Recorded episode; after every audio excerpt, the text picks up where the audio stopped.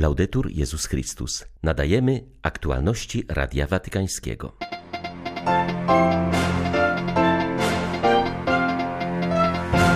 Tradycja to żywa rzeka, trzeba z niej czerpać, by rozwiązywać problemy współczesnego Kościoła i świata, mówił papież na audiencji dla Międzynarodowej Komisji Teologicznej. Rosyjskie ataki wyniszczają cywilną infrastrukturę na Ukrainie. Potrzebujemy waszej modlitwy, ale również generatorów prądu, inaczej czeka nas zagłada, apeluje biskup Aleksander Jazłowiecki. 24 listopada wita Państwa Krzysztof Bronk. Zapraszam na serwis informacyjny. Papież Franciszek zachęcił teologów do stawiania czoła pilnym kwestiom współczesności z kreatywną wiernością tradycji. Ojciec Święty mówił o tym podczas specjalnej audiencji dla członków Międzynarodowej Komisji Teologicznej.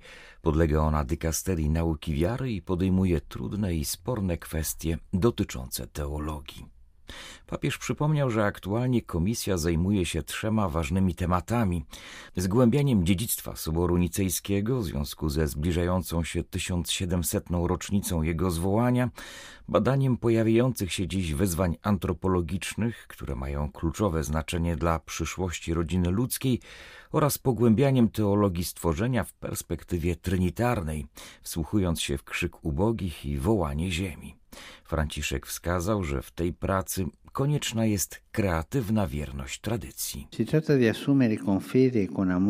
Chodzi o to, by z wiarą i miłością oraz z surowością dyscypliny i otwartością przyjąć zobowiązanie do wykonywania posługi teologicznej w słuchaniu Słowa Bożego, sensus fidei ludu Bożego, magisterium i charyzmatów oraz w rozeznawaniu znaków czasu dla rozwoju tradycji apostolskiej pod opieką Ducha Świętego, jak uczy Konstytucja Dei Verbum. Benedykt XVI określa bowiem tradycję jako żywą rzekę, w której zawsze obecne są źródła.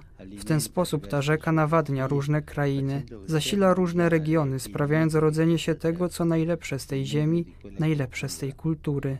W ten sposób Ewangelia wciąż staje się ciałem we wszystkich zakątkach świata, w nieustannie nowy sposób. In maniera sempre nuova.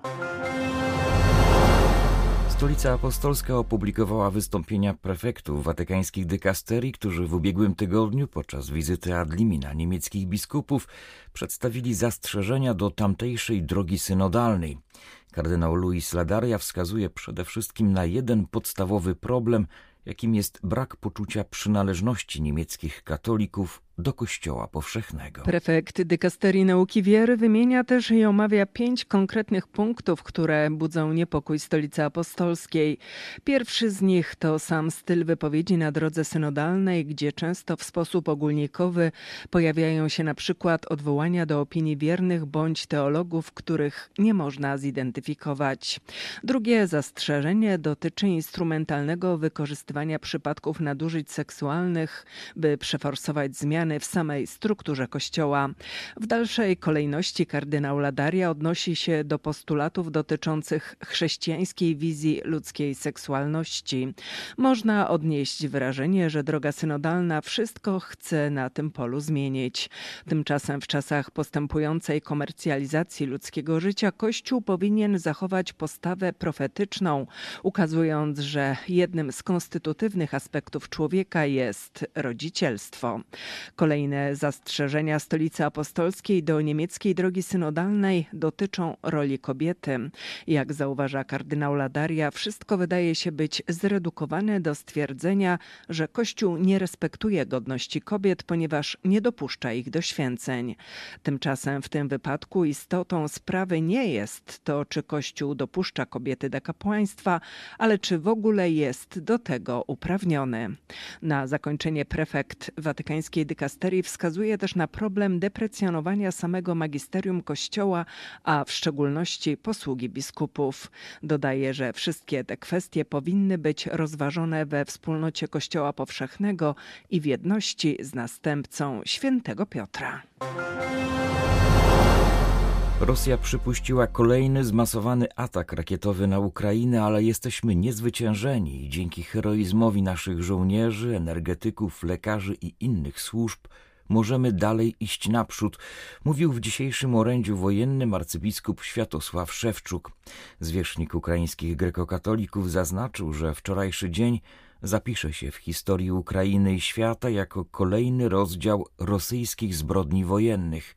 W ciągu zaledwie jednej doby Rosja wystrzeliła na Ukrainę ponad 70 rakiet. Після такого масованого удару po tak zmasowanym uderzeniu wszystkie elektrownie Ukrainy, atomowe, cieplne czy wodne, pozostały bez prądu, ponieważ jedność systemu energetycznego Ukrainy została zniszczona. Jak ustaliły władze państwowe Ukrainy od 10 października do 23 listopada, Rosja wystrzeliła około 600 rakiet różnych klas i typów. Na dzień dzisiejszy 70% naszej stolicy, Kijowa, jest nadal bez prądu. Dostawy wody zostały częściowo przywrócone. Jesteśmy pod wielkim wrażeniem heroicznego wysiłku naszych energetyków i przedstawicieli innych grup zawodowych, medyków, ratowników, ponieważ oni naprawdę pracują z wielkim heroizmem w tych dniach. Po atakach rakietowych tysiące górników pozostało w kopalniach pod ziemią. Tylko w ciągu wczorajszego dnia udało się uwolnić 3000 górników, którzy szczęśliwie zostali wyciągnięci z kopalń na powierzchnię. Natomiast w tym samym czasie w mieście Czerkasy lekarze pomimo braku prądu przeprowadzili unikalną operację przeszczepu nerki. Dlatego możemy dzisiaj powiedzieć, że mimo wszystko Ukraina stoi, Ukraina walczy, Ukraina się modli i dziękujemy Panu Bogu naszym siłom zbrojnym i odważnym Ukraińcom za to, że dzisiaj rano żyjemy, widzimy światło dzienne i możemy stanąć przed Bogiem. I możemy stojać przed Bożym obliczem. Bestialskie niszczenie przez Rosjan infrastruktury cywilnej sprawia, że Ukraina znajduje się w dramatycznej sytuacji. Kolejne miejscowości pogrążone są w ciemnościach. Sytuacja jest tragiczna. Potrzebujemy Waszej modlitwy, ale również generatorów prądu, inaczej czeka nas zagłada, apeluje na falach Radia Watykańskiego biskup Aleksander Jazłowiecki. Jest on biskupem pomocniczym diecezji kijowsko-żytomierskiej. Wyznaje, że po dziewięciu miesiącach wojny ludzie są już bardzo zmęczeni, a sytuacja zaczyna się drastycznie pogarszać. Masowe ostrzały i przyjmujące zimno sprawiają, że rośnie strach przed zimowym czasem. Bez prądu matki nie są w stanie zapewnić ciepła swoim dzieciom. W tragicznym położeniu są ludzie starsi i chorzy, mówi biskup Jazłowiecki, prosząc o dostarczenie na Ukrainę nie tylko z Polski, ale z całej Europy generatorów prądu. quasi tutta l'Ucraina è in buio. Cała Ukraina pogrążona jest w ciemności. Prąd wyłączono we wszystkich dużych miastach. Władze informują, że energii elektrycznej będzie brakować całą dobę. Naród ukraiński bardzo cierpi w tym momencie. Parlament Europejski zadeklarował, że Rosja jest krajem sponsorującym terroryzm i obecny zmasowany ostrzał całej Ukrainy jest tego potwierdzeniem. Ludzie są przerażeni, szukają bezpiecznych miejsc schronienia, ale takie praktycznie nie istnieją. W Kijowie ludzie chronią się w metrze. Widziałem tam wiele osób modlących się. Dużą trudnością jest też brak internetu. Ludzie nie mają kontaktu z bliskimi. U nas spadł już śnieg i temperatury są poniżej zera. Już wcześniej, kiedy były kontrolowane wyłączenia prądu, było trudno i zimno, ale była nadzieja, że za kilka godzin uda się ogrzać. Teraz nie ma nawet tego. Gdzie tylko się da, kupujemy generatory prądu. Na Ukrainie są już one praktycznie nie do dostania. Wykupiliśmy je praktycznie we wszystkich krajach, z którymi graniczymy. Biskup Jazłowiecki podkreśla, że Kościół ściśle współpracuje z władzami, na przykład w organizowaniu punktów, gdzie ludzie mogą się ogrzać czy naładować telefony komórkowe. Mimo pogarszania się warunków życia, nie spotkałem jeszcze nikogo, kto by mi powiedział, że w obecnej sytuacji trzeba iść na ustępstwa z Rosjanami. Ludzie są zdeterminowani, mówią, że żołnierze na froncie cierpią bardziej od nich i nie ma mowy o ustępstwach wobec agresora mówi ukraiński hierarcha. Tanto. Robią naprawdę wiele. Dostarczają ludziom żywność, koce, docierają na tereny najbardziej dotknięte działaniami wojennymi. Rozprowadzają kartki na żywność, dzięki którym najuboższe rodziny mogą kupić potrzebne produkty w sklepach. Na szczęście podstawowe rzeczy wciąż są dostępne. Ich ceny są jednak coraz wyższe. Na ile możemy, zapewniamy ludziom generatory prądu, piecyki na drzewo. Praktycznie każda parafia jest teraz małą caritas, miejscem miłosierdzia. W pomoc aktywnie angażują się zakony, które mniejszymi i większymi samochodami sprowadzają pomoc z zagranicy. Wspieramy też żołnierzy, którzy nas bronią. Chciałbym dziś poprosić wszystkich o modlitwę za Ukrainę. Nie bądźcie leniwi, weźcie różaniec i pomóżcie nam modlitwą. A jeśli możecie, skrzyknijcie się z przyjaciółmi i wesprzyjcie jakąś rodzinę na Ukrainie, wysyłając jej generator prądu. Na pewno nie zapomnimy doznawanego od Was dobra. Ci noi. Sposób nieludzki oswoiliśmy sobie wojnę na Ukrainie. Dziś z równą uwagą śledzimy bombardowania Ukrainy i wyniki meczów na Mistrzostwach Świata w Katarze, mówił dziś arcybiskup Grzegorz Ryś na polskiej mszy przy grobie Jana Pawła II. Jak co tydzień obecni w Rzymie Polacy modlili się również za ofiary rosyjskiej agresji. W homilii metropolita łódzki odniósł się do czytań mszalnych, które zapowiadają zniszczenie Rzymu i Jerozolimy. Oba miasta mają znaczenie symboliczne. Rzym to obraz tego, co doczesne, światowe. Jerozolima symbolizuje Kościół. Oba zasłużyły na zniszczenie, bo odrzuciły Boga, a w konsekwencji również człowieka, mówi arcybiskup Ryś. I my nie czytamy tych obrazów po to, żeby wspominać zaprzeszłe historie. Nie byłoby wielkiego sensu czytać tego słowa, gdybyśmy chcieli go używać wyłącznie do interpretacji przeszłości. To słowo czyta nas. Także my dzisiaj tworzymy społeczności doczesne, państwa, całe bloki państw, lokalne społeczności, w których żyjemy, gdzie trudno jest odszukać Boga, gdzie wtedy, kiedy się wyrzuci Boga, znika też miejsce przeznaczone dla człowieka i dla wszystkiego, co ludzkie. Nic nas o tym bardziej nie przekonuje, jak ta już prawie rok trwająca wojna w Ukrainie. Wczoraj kolejny straszny dzień bombardowań. Nie myślmy, że nas to nie dotyczy. Może raczej myślmy o tym, że oswoiliśmy już tę wojnę w sposób bardzo nieludzki i dzisiaj jak otwieramy gazety czy strony internetowe, to z równą uwagą czytamy o tym, jakie są wyniki bombardowań w Ukrainie i jakie są wyniki na mundialu w Katarze.